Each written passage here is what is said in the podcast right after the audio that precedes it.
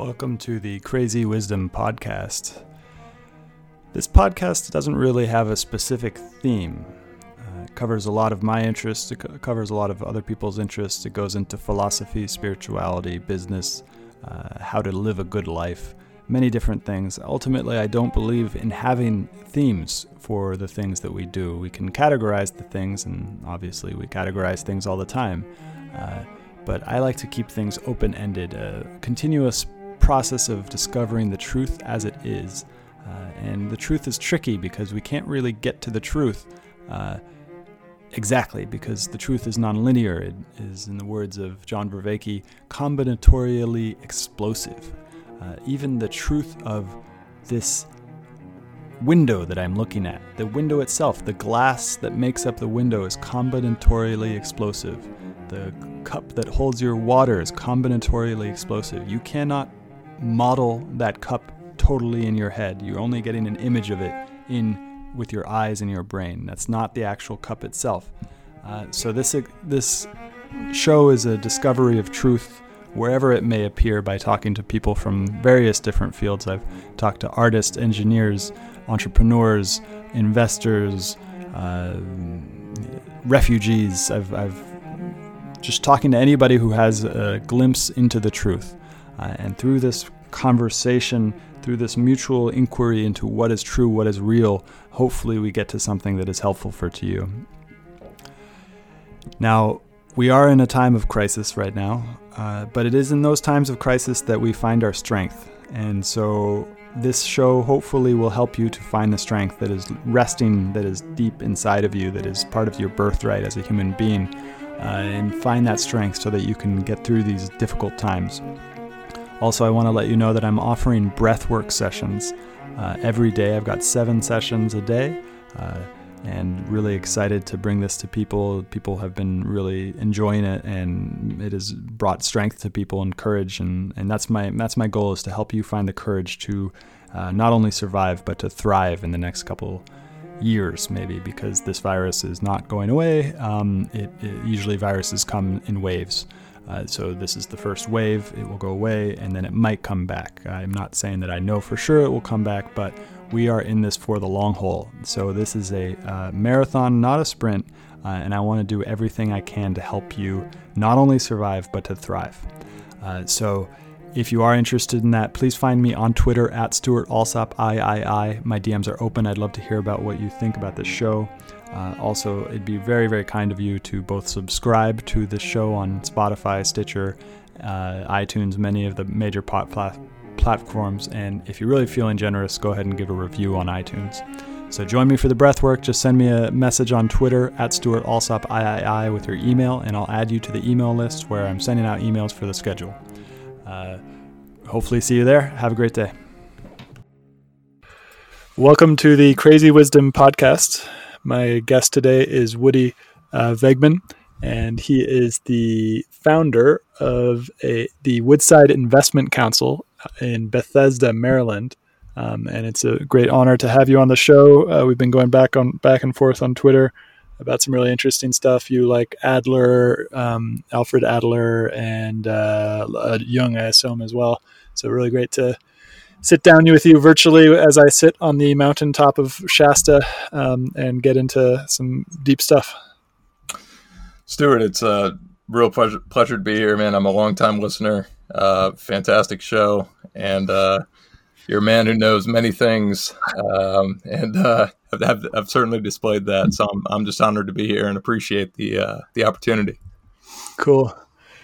So I really you you wrote an I have this new podcast roulette and this this conversation is a um, product of that po- podcast roulette where I just basically built up an email list of interesting people and asked them if they want to do a podcast right now uh, and the first person to reply gets to do it. And your response to the last one was really interesting because you said there's a balance between um, the, having the courage to be disliked but then also there's an importance of likability.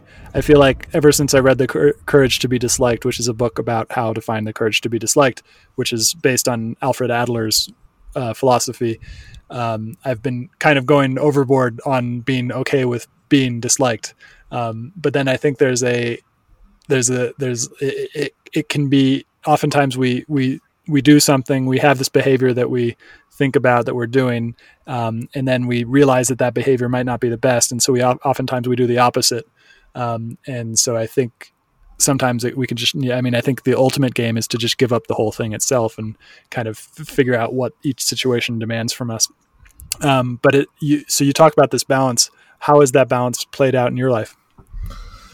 Well uh, it's a it's a an excellent uh, question. I, I think in terms of you know how I grew up, um, you know, sort of always always very cognizant or or uh, trying to read into other people, um, and you know, what's this person think about me, and uh, just sort of trying to trying to please others. And there was a and the book had had a lot to do with that. Adler's work in general, really. Um, and also my wife kind of telling me, you know, I, I think you, I think you uh, think you're some kind of uh, empathic wizard where you, you can, you can sort of figure out what others are, are thinking, and and uh, I can assure you, you you don't know. um, and I, you know, in, in, reading Adler's work, and and you know, there's also uh, a little more, uh, I guess, digestible. Um, although Adler, Adler stuff isn't is pretty easily read, but uh, you know, stuff like uh, the uh, what is it? Uh, uh, just a number of books. There's there's one called The Art of Not Giving an F. Uh, I don't mm. know if. I can curse on here. I, I think I can. can. Um, yeah, the subtle art of not giving a fuck. Yeah. Um, and it, it, it really has a lot of, of the notions that Adler puts forth. And I kind of realized one day that you know I I should stop using my uh, my my brain power, my my emotional energy to suss out whether others like me or agree with me, and you can't be everything to everyone. Um, and you know, my mom once told me like, you know, nobody's nobody's looking at you like you think they are, uh-huh. um, and and that really stuck with me too. Um, and so once I kind of had that realization, and um, and this took a long time. I mean, it, you know, I think in your, you know, every, everybody in high school is self conscious, but um, or at least that's my uh, generalization there. But uh, once I sort of freed myself of, of trying to trying to think about, hey, what's this person think of me? Do they like me? And just say they either like me or they don't. Um, it's sort of my task, as Adler would call it, to uh, to attempt to be liked, but also to be true to myself. And um, you know, if they don't like you, that's not the worst thing in the world. Um, and in fact, it's it's really where we where as he puts it it's really where we draw freedom um, is is in being disliked um, because it's it's sort of proof that you're living life um, you know in, in accordance with your own moral compass and your own uh, your own goals your own objectives. So um, you know that that that sort of happened to me gradually over the years and uh, it's still a work in progress because it's a very natural inclination and and uh, biological inclination to to be liked. Um, and yeah, that biological piece is really interesting because we are a social animal, and you know, for millions and millions of years, we were in a tribe uh, made up of our immediate family, um, and the ostracism from that tribe would lead to death. And so it is like deeply, deeply ingrained in our biology to want others' affections and want other want other people to agree with us. But now we live in this world where we live in strangers and with strangers all the time. We live in cities. Now we uh, live on the internet, um, and we're coming into contact with strangers all the time. And uh, it is impossible to actually come to an accurate, as you said, accurate representation mental model of whether everybody likes you or whether everybody agrees with you and try to figure it all out and say the right thing in the in the right possible way. It's just like that breaks down. Uh, you can't do it particularly if you start to write publicly or, or speak publicly because uh, you're going to piss off people. Um, and i find that i've been in the last week or so i've, I've become pretty untethered in my um, in my speaking about I've loved it, man. You're, you're, like, you're uh, just unleashed, Stu unleashed. yeah.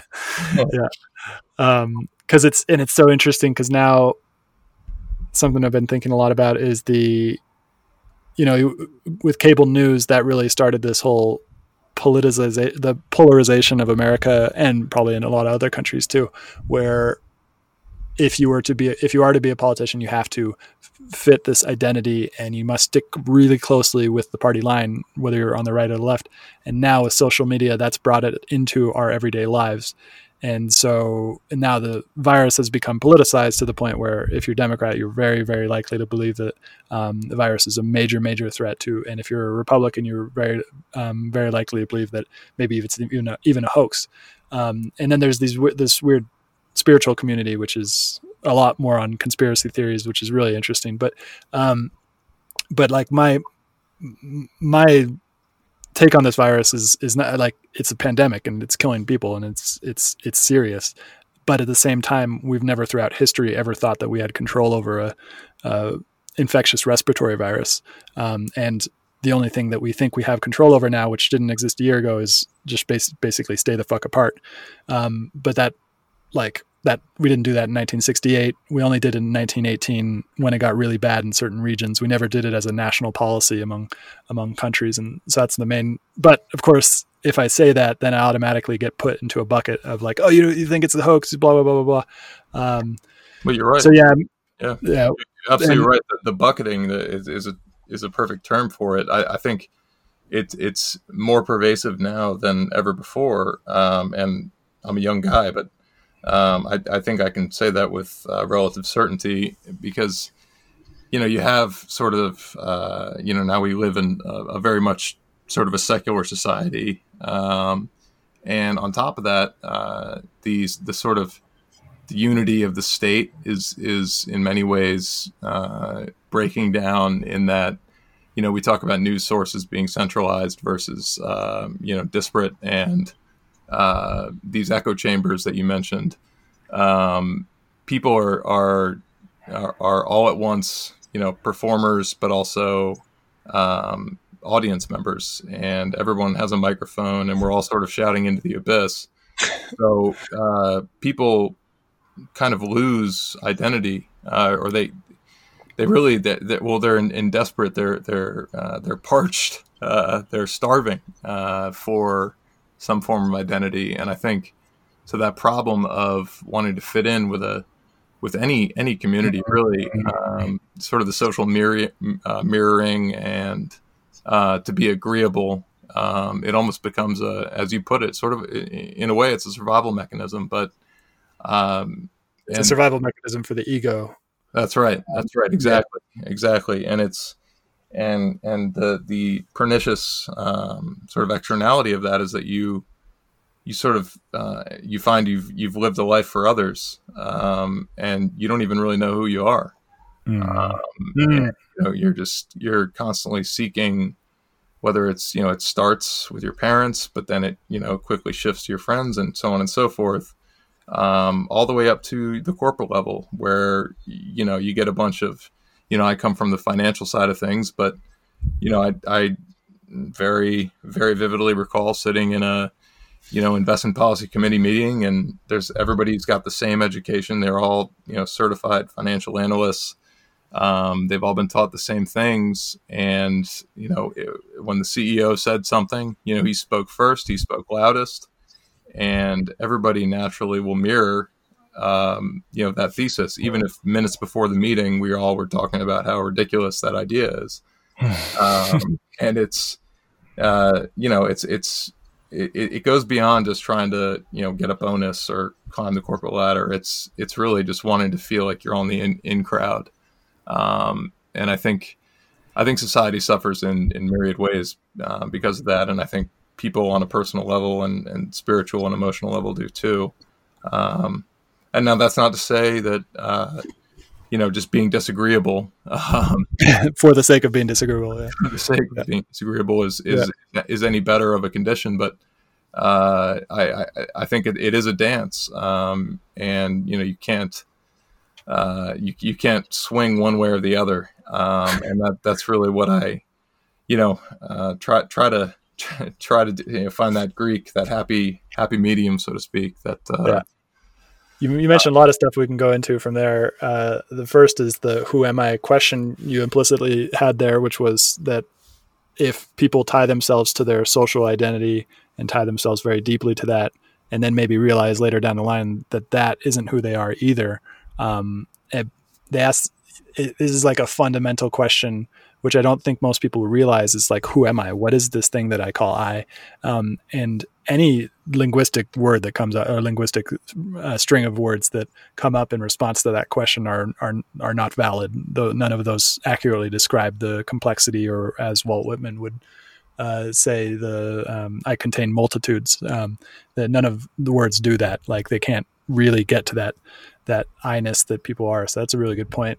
And then it also seems, and I know this, that you've read Robert Sapolsky, and um, it goes, uh, and also it sounds like you might have read uh, Jordan Peterson or jo- John Vervaeke as well, because uh, you you mentioned in that in that meeting with the the CEO, um, everybody's bodies know what's going on all the time, but then their minds rationalize whatever's happening. So the mind isn't a, isn't a mechanism for truthhood; it's a mechanism for I would say yeah. social cohesion, um, or, yeah. or or making ourselves feel good about the decisions that we make. But everybody's bodies is paying attention to it. So like hey, you can you you can feel it, but but our bodies aren't attached to our minds in the way that we think they are. So if we really analyze our behavior, our behavior will give a very different picture of our actions or of, of what we really think rather than our words. Um, That's right. That? It feels it feels uh, tremendously uh, isolating. Your your cortisol levels rise uh, dramatically. Your testosterone drops, uh, you know, mm. drops to sub zero when you're standing alone. Uh, you know, mm. pounding the table for say a different strategic initiative, or you know, I don't think this makes much sense. Um, you know, I read some white papers on this. Maybe we should consider this outcome um, you know, eh, we, we could certainly be more efficient in this and that way. Um, when you know uh, that, you know, the, the, the, powers in the room um, have, you know, they, they didn't come in, in there to discuss really. They, they came in there to, to say what they, you know, what's going to happen. Um, and so that's sort of the institutional inertia that, that Buffett talks about. And, uh, it, it really makes uh, it, doesn't make for optimal outcomes for for uh, clients for uh, for the people that work in the organization. It's it's you feel powerless you feel like your your voice isn't heard. And uh, I, I, think it's very widespread you know even in small companies. I, um, I, I thought it might be different you know working at a small company. And and I've, I've found that whether it's large or, or small they they all suffer from this institutional inertia and this groupthink, um, and it's uh, it's very damaging. And um, you know, not, not, to mention, you know, you know, uh, we've I'm, I'm, sure you know you're well aware of the studies that uh, you know boards that have uh, gender diversity, age diversity, uh, you know, socioeconomic diversity, they make better decisions.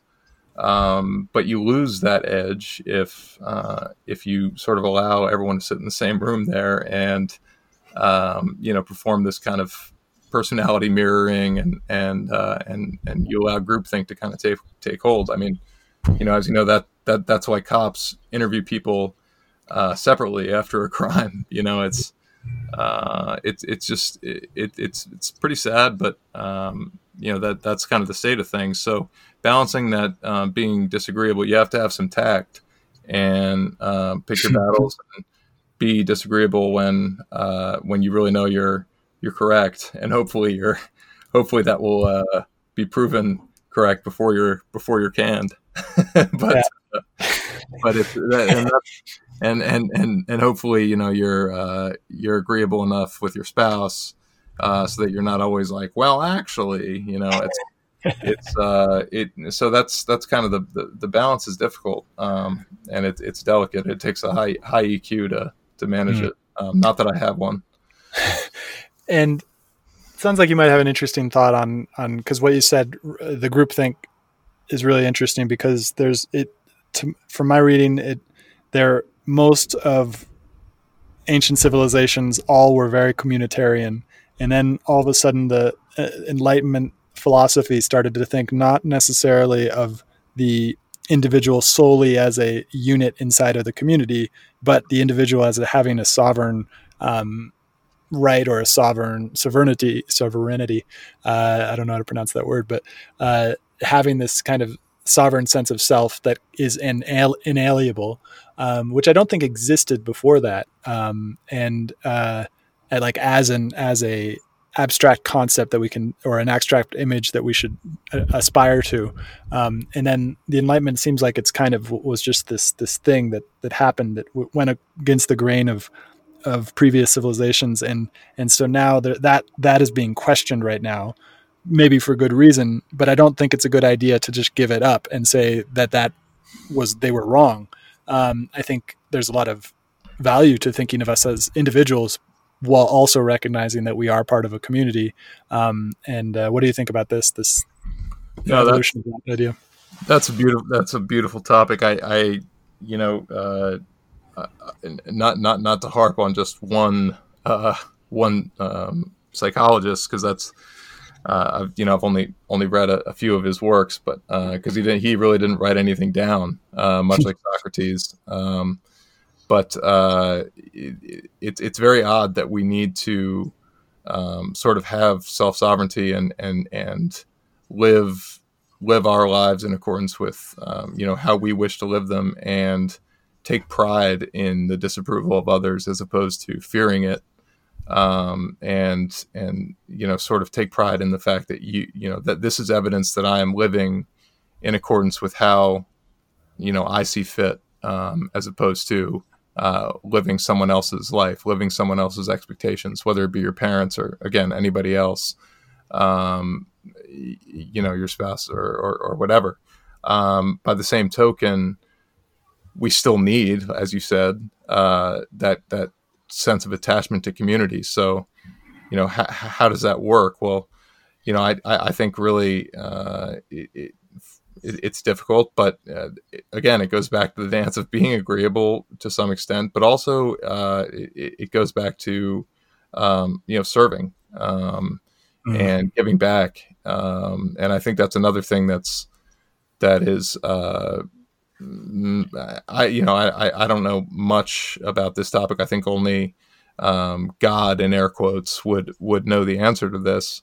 Um, but I, I do get the sense that um, you know, with with the rise of you know social media and people crafting their their beautifully filtered uh, photos and narratives about their lives, it, it, would seem to me that uh, we're living more inside of our, our own heads, and certainly during COVID, but um, and, and less in service of the community. And I think you know that that that is a, that is a means for for finding uh, finding attachment and um, I think I think too another key point is uh, we're so hierarchical um, in in our country. Um, you know, in in places like Israel, um, there's not this. Uh, it's much more egalitarian. I mean, you you can talk back to your you know uh, to the rabbi. You can talk back to uh, you know your boss um, and and not in a nasty way but just in sort of a frank like we are both people we both have worth um, and here in the U.S., we have such a such a reverence, I, I think, for um, for other people, and I think in, in establishing more lateral relationships, um, you can really be yourself and allow the other person to be themselves. And uh, it's it's just a uh, it's a, I think it's a, just sort of a flaw in, in the way that maybe our, our social relationships tend to tend to be constructed. Well, because I, I would say that the United States used to be very egalitarian. Like um, back Absolutely. in the yeah, 1700s, 1800s, it was like you know the, the, the, country is made up of farmers who all kind of were subsistence farmers and making their own kind of food and stuff like that, and having their own homesteads and everything like that. Now I think it's happened a lot of places, and I think Israel is a is a kind of a, an exception because of their unique history. But um, uh, yeah, I think the centralization of cities, it, this the rise of cities has been a profound uh, change in the way that humans view themselves, um, and also are like in some ways, as I've been getting more in touch with nature over the past six months, uh, realizing that cities also change our brains and become make us less grounded. I think. Um, uh, I, I would, I would absolutely uh, agree with that. My my older brother, he's he's a good bit older than than I, but uh, just you know, he he goes on these you know, you know, uh, 10, 12 hour rides, um, you know, mountain biking. Um, he's been doing it his whole life, and you know, he's uh, he said he's like I I would die without it. Uh, it's just getting reconnected with nature, uh, you know, the soil itself, um, and actually just just touching the soil, you know, as uh, you know, I've read read some studies myself on that, and and and in the sort of antidepressive qualities um, that people don't quite understand, you know, why or how. But uh, yeah, I, I I would agree. I don't I don't spend nearly enough time. I mean, I having just launched my own business and and and having two kids at home, uh, I'd love to peace out for a week and uh, and get and go build some campfires and hang out alone and uh, but it's just not in the cards. But I, I am I'm, I'm with you 100. percent I think the yeah. cities and increased urbanization absolutely um, plays a tremendous role in that. But I think um, probably the more more kind of salient um, um uh, factor here is is uh, the ever rising kind of wealth inequality mm. uh, in the United States. I think I think people kind of get used to this notion that you know uh, certain classes of people whether they whether whether they fight against it or not, I, I think it does breed this sort of sense of hierarchy, um, mm. and it's uh, I do think much of it is subliminal, but I'll tell you, I mean, the, there's we haven't we've I believe we've surpassed the 1920s uh, in hmm. terms of uh, wealth inequality. Um, and it's it's only going to get worse with this COVID response. Yeah, I mean that's the craziest thing about the COVID thing is because I, I, hear so many people who I lived in cities with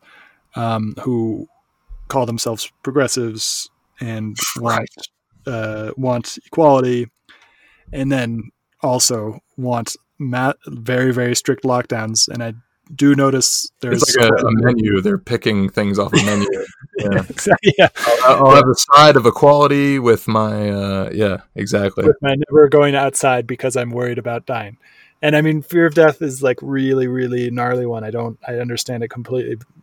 Like I've been, I've been dealing with the fear of death for my whole life because I've had several near death experiences when I was younger that put it deeply in, t- in part of my psyche. Um, and the, but I, I know it so well because I had to start looking at it because I couldn't live my life with this fear of death that was that was um, preventing me from living life. Uh, and it is like really, really gnarly seeing it on a mass scale, uh, and then making people making really, really bad decisions about about the the policies they support, mostly out of a fear of death. That's that's my my view on it, and and then also just like it, the it like we've now, as we were talking about before the show, gone from a capitalist society to a, a, a, a um, what is it like a statist or how would how would you describe it's these? It's sort yeah. of a it's sort of a if you took if you took the worst elements of socialism and capitalism and combined yeah. them, uh, it's that's sort of what we got going on now. Because uh, it's a state, it's a welfare state, but for the wealthy, essentially. It, um, it's it, it is. It's it, we're we're propping up we're propping up the status quo because of the fragility that we've kind of bred into uh, mm-hmm. those with millions of dollars in their 401ks and in their IRAs, uh, and they don't like seeing it drop 15 percent.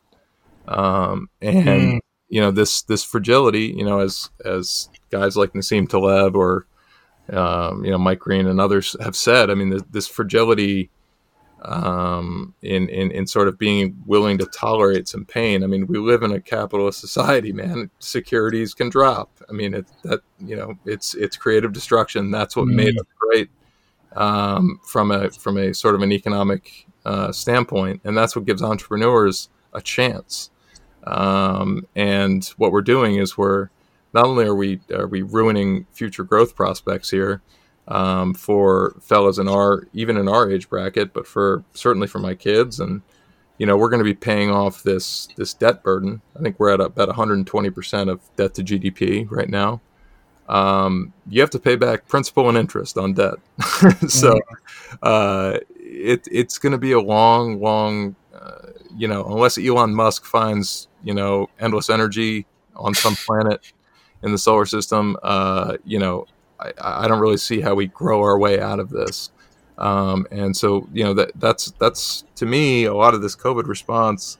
I'm not a conspiracy theorist either, but I I do feel as if uh, this excessive response and and uh, pumping so much money into the system and actually putting it directly in the hands of consumers, I think it's really aimed towards relieving some of that debt. But um, you know that's not helping um, people that are making eighty thousand dollars and have two kids, and uh, now have to pay rent.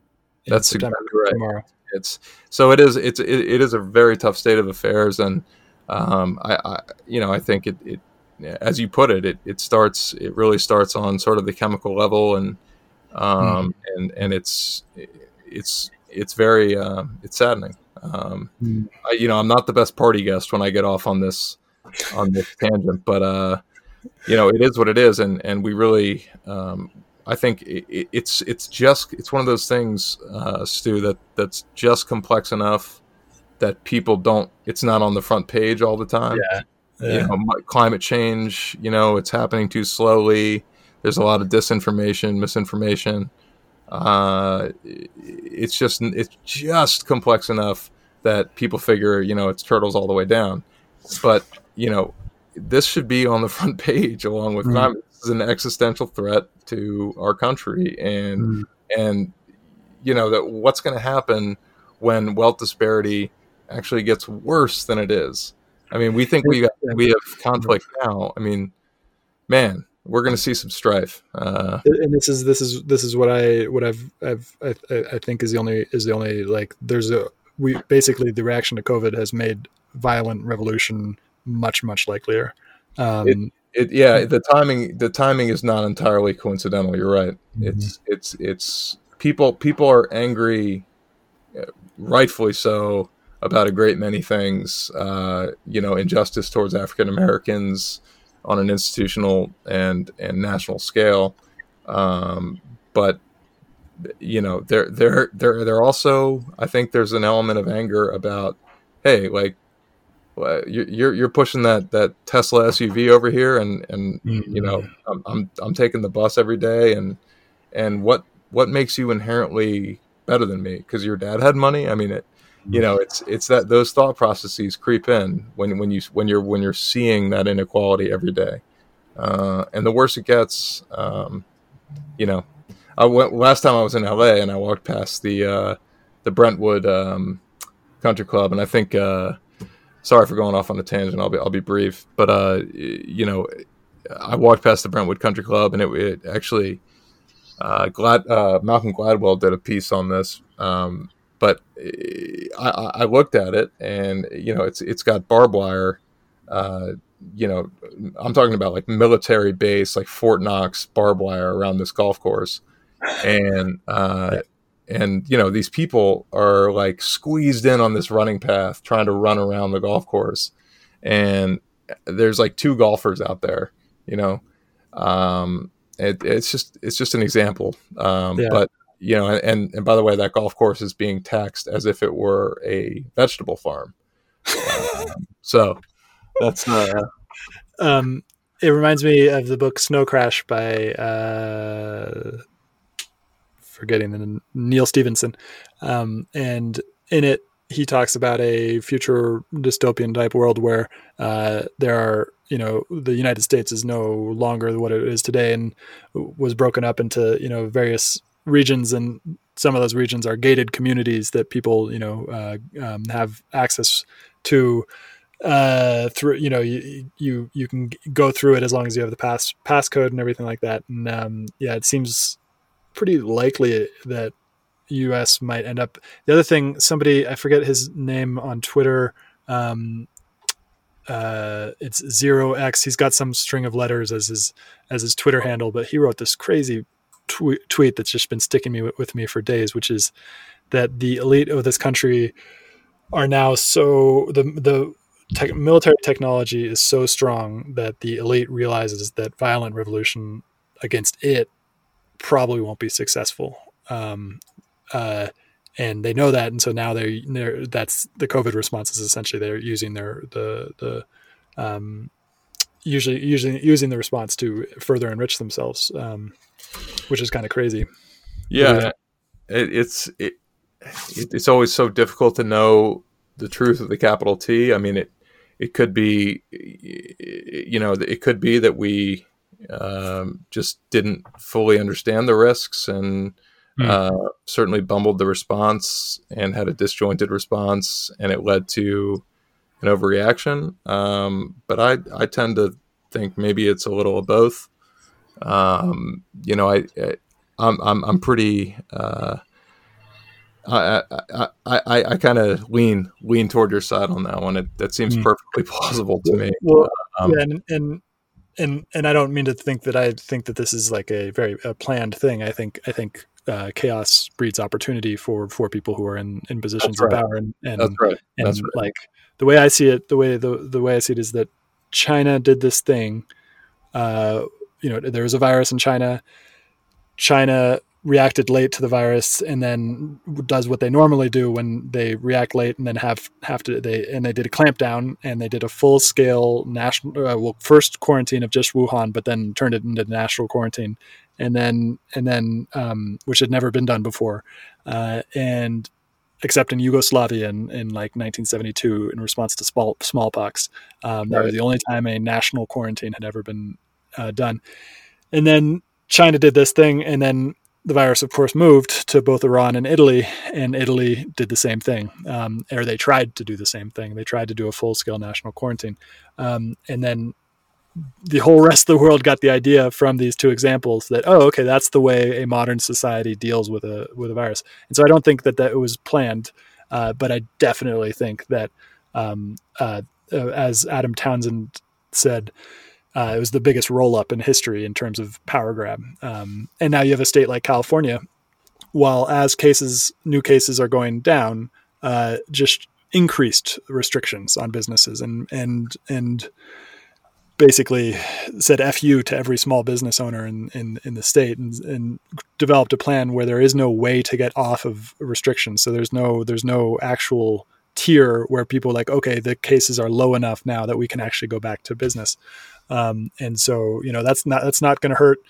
Uh, that's not going to hurt. Uh, what are some big companies, you know, Hertz or, um, Marriott or those are, it's not going to hurt those companies. It's going to hurt your favorite local restaurant. It's going to hurt your favorite coffee shop. It's going to hurt your um, these people who are trying to start businesses. Like those those businesses are out screwed. And I, I, I don't. I think he, I, I, imagine the Gavin Newsom just turned every small business owner into a Trump voter.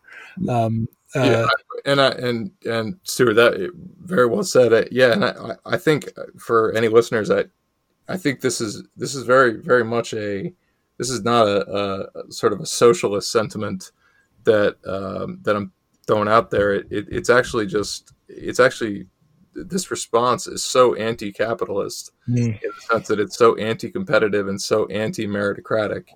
Um, because to your point, um, you know these large cap companies, you know, uh, you know, Apple took took out uh, uh, debt. You know, they they they loaded up their balance sheet with cheap Whoa. debt um, during you know during this crisis um, at you know phenomenal rates, and they, they they were sitting on cash, a huge hoard of cash. Yeah. Um, and you know, small companies, um, to your point, do does does my does my investment outfit have, have the same access to that uh, unfettered access to that cheap capital? No way. Um, so, you know what banks do and what banks are there for is to offer money to companies that don't need it um, and deny it to those who do. Um, and that's that's because you know they're not a credit risk, and and I think so. It destroys what it does is it destroys the entrepreneurialism, the entrepreneurial engine of the country. Um, so you know we can talk we can talk till we're blue in the face about the debt and all this stuff, but really what I, what concerns me is is entrepreneurs because they're really the, the where, where, does innovation take place? It, it, takes place with small business owners taking risks and feeling comfortable that they can get the financing at reasonable levels to take those risks. Mm. Um, and you know, now the the entrepreneur's dream is to you know just get purchased by Facebook or something. So uh, it, it's not a it this is this is not me being a bleeding heart liberal. It, it's quite the opposite. Um, and you know, I I have some liberal leanings if if if people must know, but uh, in terms of in terms of how the economy runs, I I what I take issue with is this is just a complete massacre of what capitalism was intended to do. Um, so mm. that's where I yep. kind of stand on, on on that on that front. I mean, it, it's uh, it's very sad because uh, I, I think uh, you know entrepreneurs are that's what made us great. You know, is is you know people come come here because they know they can they can take a risk if they have an idea and they can start a business and, and work hard and make it happen. But uh, now the odds are, are very tilted against them. Um, and and I think as we go into the future, uh, the like some of the problems that we're facing require an entrepreneurial ecosystem um, to yeah to come up with the right tool and the right decision. I, I We've got doubt. some novel problems facing us, novel existential risks. Uh, yeah. And, yeah. and, you know, to, to deal with, with said risks, you, you need, you need hungry, uh, risk taking, brilliant people um, to, to, to, do that. And you need a lot of them because, uh, mm-hmm. you know, if, if, if nine out of 10 fail, you know, you, you, got, you, you need enough clams to get the pearl that, that fixes it. Uh, so it's, it's a tough state of affairs. Um, mm. And the, it, you know, we're seeing the, again, COVID once again, consolidation was already happening, but, yeah. but now, you know, uh, to your point about the restaurants, you know, now, now your choice is Potbellies or Safeway or McDonald's. Yeah. Yeah. It's, uh, it's tough. It is tough. Uh, okay. Yep. And it's, who knows where it goes. And this is kind of where faith comes in. uh, uh, cause what's that? Yeah, just kind of blind blind faith and optimism, I guess. Well, and also humility. So humility to understand that all these objective things, or not all of the. I didn't mean to say objective. All these things that we were just talking about, um, the the really challenging state of affairs in in uh, in our life right now. Um, all those things seem to be happening. It seems those seem true, but where it goes from here every time that I've thought that I've known the answer of where where it's going and try to get really specific, usually i am wrong, um, and most people are wrong. Um, right. And we don't really know what's going on, and we don't really know where this is leading. Uh, so in the collective, and it's true at the collective level too. Uh, groups of people are no better than individual. Or I, I, should turn that into a question: Are groups of people better than individuals, or are individuals better than groups of people uh, when it comes to um, uh, decision making and risk tolerance and all these different things. Um, uh, but I, th- I, think both groups and individuals are wrong most of the time, um, and uh, and we can refine our process of getting better, but also have this. It's just like I don't know. Life will continue. Um, you know, even if we do have an ex- existential risk, at some point the Earth will repopulate itself with with new life because uh, you know that's what it's been doing for a long time. Um, no, you're, you're yeah. right, Stuart. I, I, I agree with that. I, I um, it, it's a question of, of time frame, I guess, when we sort of have that when we emerge from maybe the ashes, and maybe maybe this whole thesis is incorrect, um, but it certainly seems when you look at the wealth disparity and you look at uh, small businesses struggling, um, you know, and uh, you know, shuttering left and right, and uh, and you do see the wealth disparity. Um, you know, it's just an obvious thing that can be fixed. Um, it's a question of just summoning the willpower, uh, and that's why I was harping on this. It's just complex enough, you know, issue. Yeah. Um, where folks kind of tune it out and maybe watch some some dancing children TikTok. on TikTok or something. Um, and I get it. I get. I, I understand the escapism, but but the lethargy is uh, is really another dangerous uh, another dangerous uh, you know, yeah. all this. Um, but I'm I'm 100 percent with you. I think um, I'm I'm tenaciously optimistic, despite the fact that I may be coming off differently. Um, I, I, really well, do feel that you know we'll, we'll, you know we'll get through it. we have to talk before we ever even come to a solution for a problem. We have to accurately describe the problem. Um, so I think accurately describing the problem is really, really important. Even though it can depress us in the in the short term, uh, it's the only way to really uh, uh, get to a solution. Um, and so it sounds like the solution is to, if you are paying attention to this stuff and you if you are thinking deeply and thinking clearly, I think it's to speak more and write more um, and kind of help people understand the complexities that we're about to about to uh, go through and are already going through. What do you think? What do you think is the solution? I, I think that I think that's exactly right. It's uh, that reminds me of uh, uh, self reliance. That uh, that that kind of short essay. Um, it was not. It wasn't Thoreau. It was man. I'm kicking myself, but uh, just a fantastic Ralph Waldo, Waldo Emerson. Emerson, thank you. Uh, you know, in in one of the early, it might it might have been one of the first few sentences. He he kind of talks about the pain he feels when uh, when he chooses not to not to express himself, and then mm. reads reads his thoughts expressed by someone else.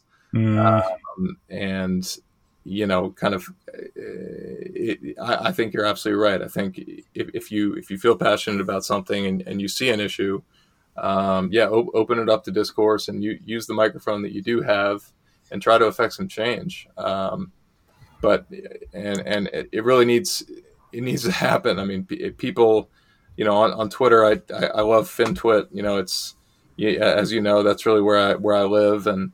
Um, the, these guys are just brilliant. I mean, you know, Cliff Asness gets on there, and and uh, Jim O'Shaughnessy, who you've had on the podcast, and, uh, by the way, fantastic episode. Uh, and uh, you know, I, I, I, recommend anybody who's, who's listening to, to, to listen to that one. Um, yeah, it, it, it, takes guys like that to continue putting out, um, you know, the, just laying these issues out there, um, and maybe maybe going beyond beyond Twitter. Um, and I, I, know a lot of these folks do, but um, it's it's it's the problem is education and and um, and sort of allowing allowing the voting public to understand what's at stake and and what the what the crux of the issue is um, and how to fix it.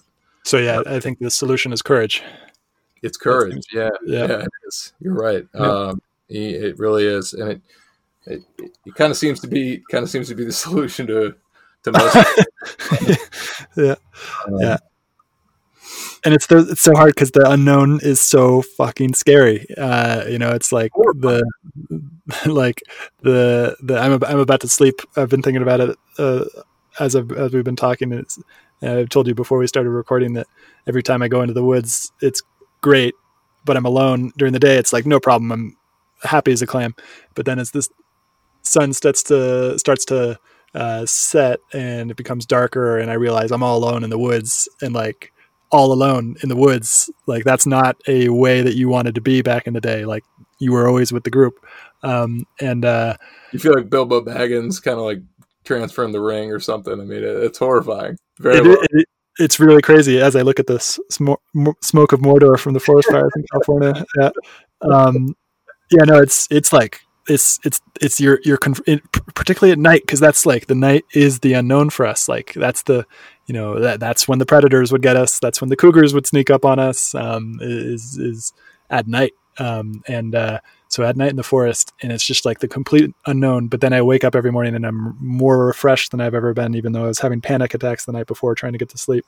Um, and I've and now I've now I'm at the top of a mountain, which is like really interesting. I think you know I'm playing up in my head again, of course, but um, uh, you know I'm eight thousand feet up now. It's like right at the tree line where the air is really thin and uh, it's going to be an interesting night. But that, but for for me, that's the particular type of unknown that I need to find the courage to to look at, um, and uh, uh, it, it's never failed me w- when I actually take the step to confront that w- which I'm most afraid of.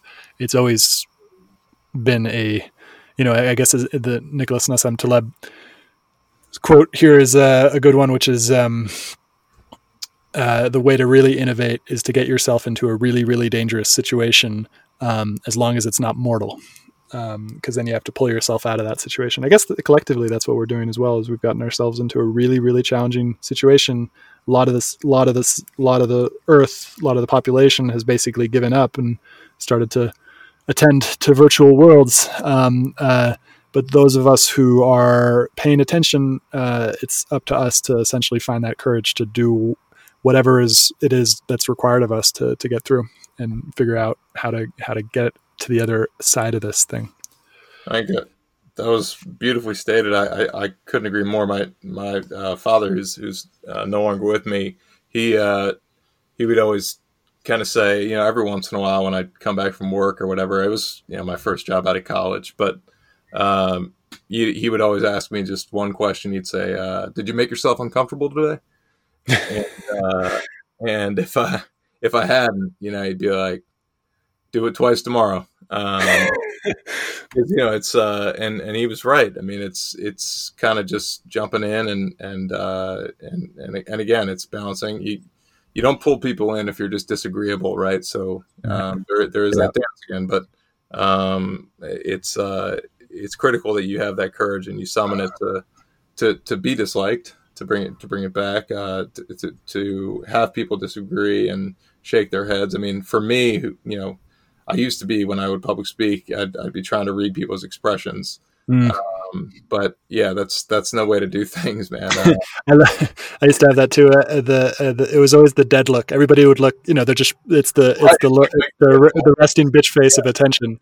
Um, I'm like, yeah, at least just fully fall asleep. It'd be more off-putting, you know. uh, it'd be less off-putting anyway. But um, no, you're it.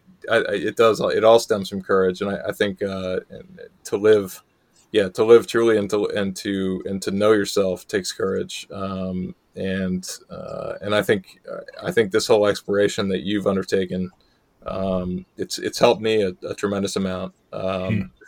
You know, you've been so forthcoming about you know some of your struggles and and as of your guests i think sharing those experiences um, on on a medium like this uh, you know it's it's to, to call it invaluable i think is is an understatement i i think uh, vulnerability is uh, is is is so so sparse and so so lacking uh, in in conversation today everyone's talking their own book on twitter and uh, you know, it's it's posturing here and there. It's sort of like with an eye towards getting some new business or something. Yeah. But just speaking frankly and openly and honestly, um, it's it's just so essential.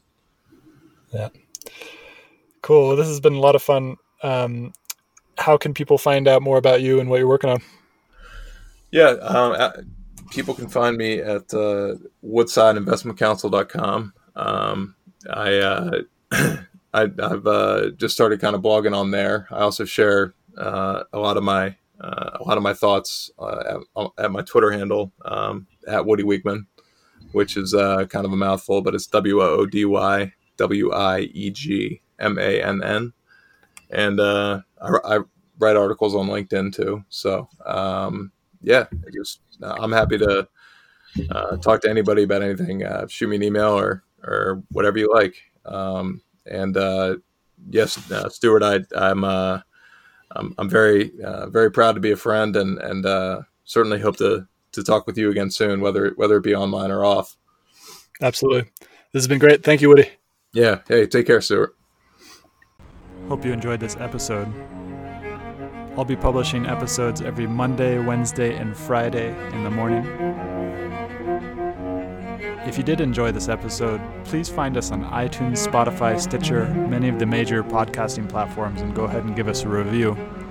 And also subscribe. And as always, I'm on Twitter at Stuart Alsop III. Come join the conversation as we aim towards the truth. And the funny thing about truth is that you can't really put it into words because every time you put the truth into words, create a linear narrative out of something that is nonlinear. The truth is nonlinear. It's not. It's it's. If you really recognize the truth right now, your mind wouldn't know what to do. It'd be overwhelmed by beauty and pain, or it's it's something that is beyond our linguistic capability to represent. But that doesn't mean that the language isn't helpful. Language can point us in the direct right direction, but it's it's not it's not the truth itself. And so, come join this collective inquiry into the truth. Find me on Twitter at Stuart Alsop III. Uh, subscribe to the podcast. Share the podcast with your friends. Uh, most people don't have the ability to let go of this linguistic understanding of the way that the world works and just aim for the truth, regardless of what the language tells us. Uh, and so I think what I'm doing with this the show is is necessary for us because as we enter this stage of uncertainty, uh, and we are most definitely entering an age of uncertainty. And as we do, it's really, really important that we stop paying attention to what the mind is telling us all the time. Doesn't mean to say that the mind doesn't have its place. Mind obviously has its place, but it's just one of the senses. It's just one of the tools that we can use. We can use the mind, we can use the feelings, we can use our actual senses. Uh, we can check our intuition with other people because sometimes the intuition tells us the wrong thing as well. Sometimes the intuition is wrong. So it, we can't we can't rely on any one tool to get us there. So come join the show. Find us on iTunes. Find us on Twitter at Stuart Alsop III. Uh, and come join the, this inquiry for truth.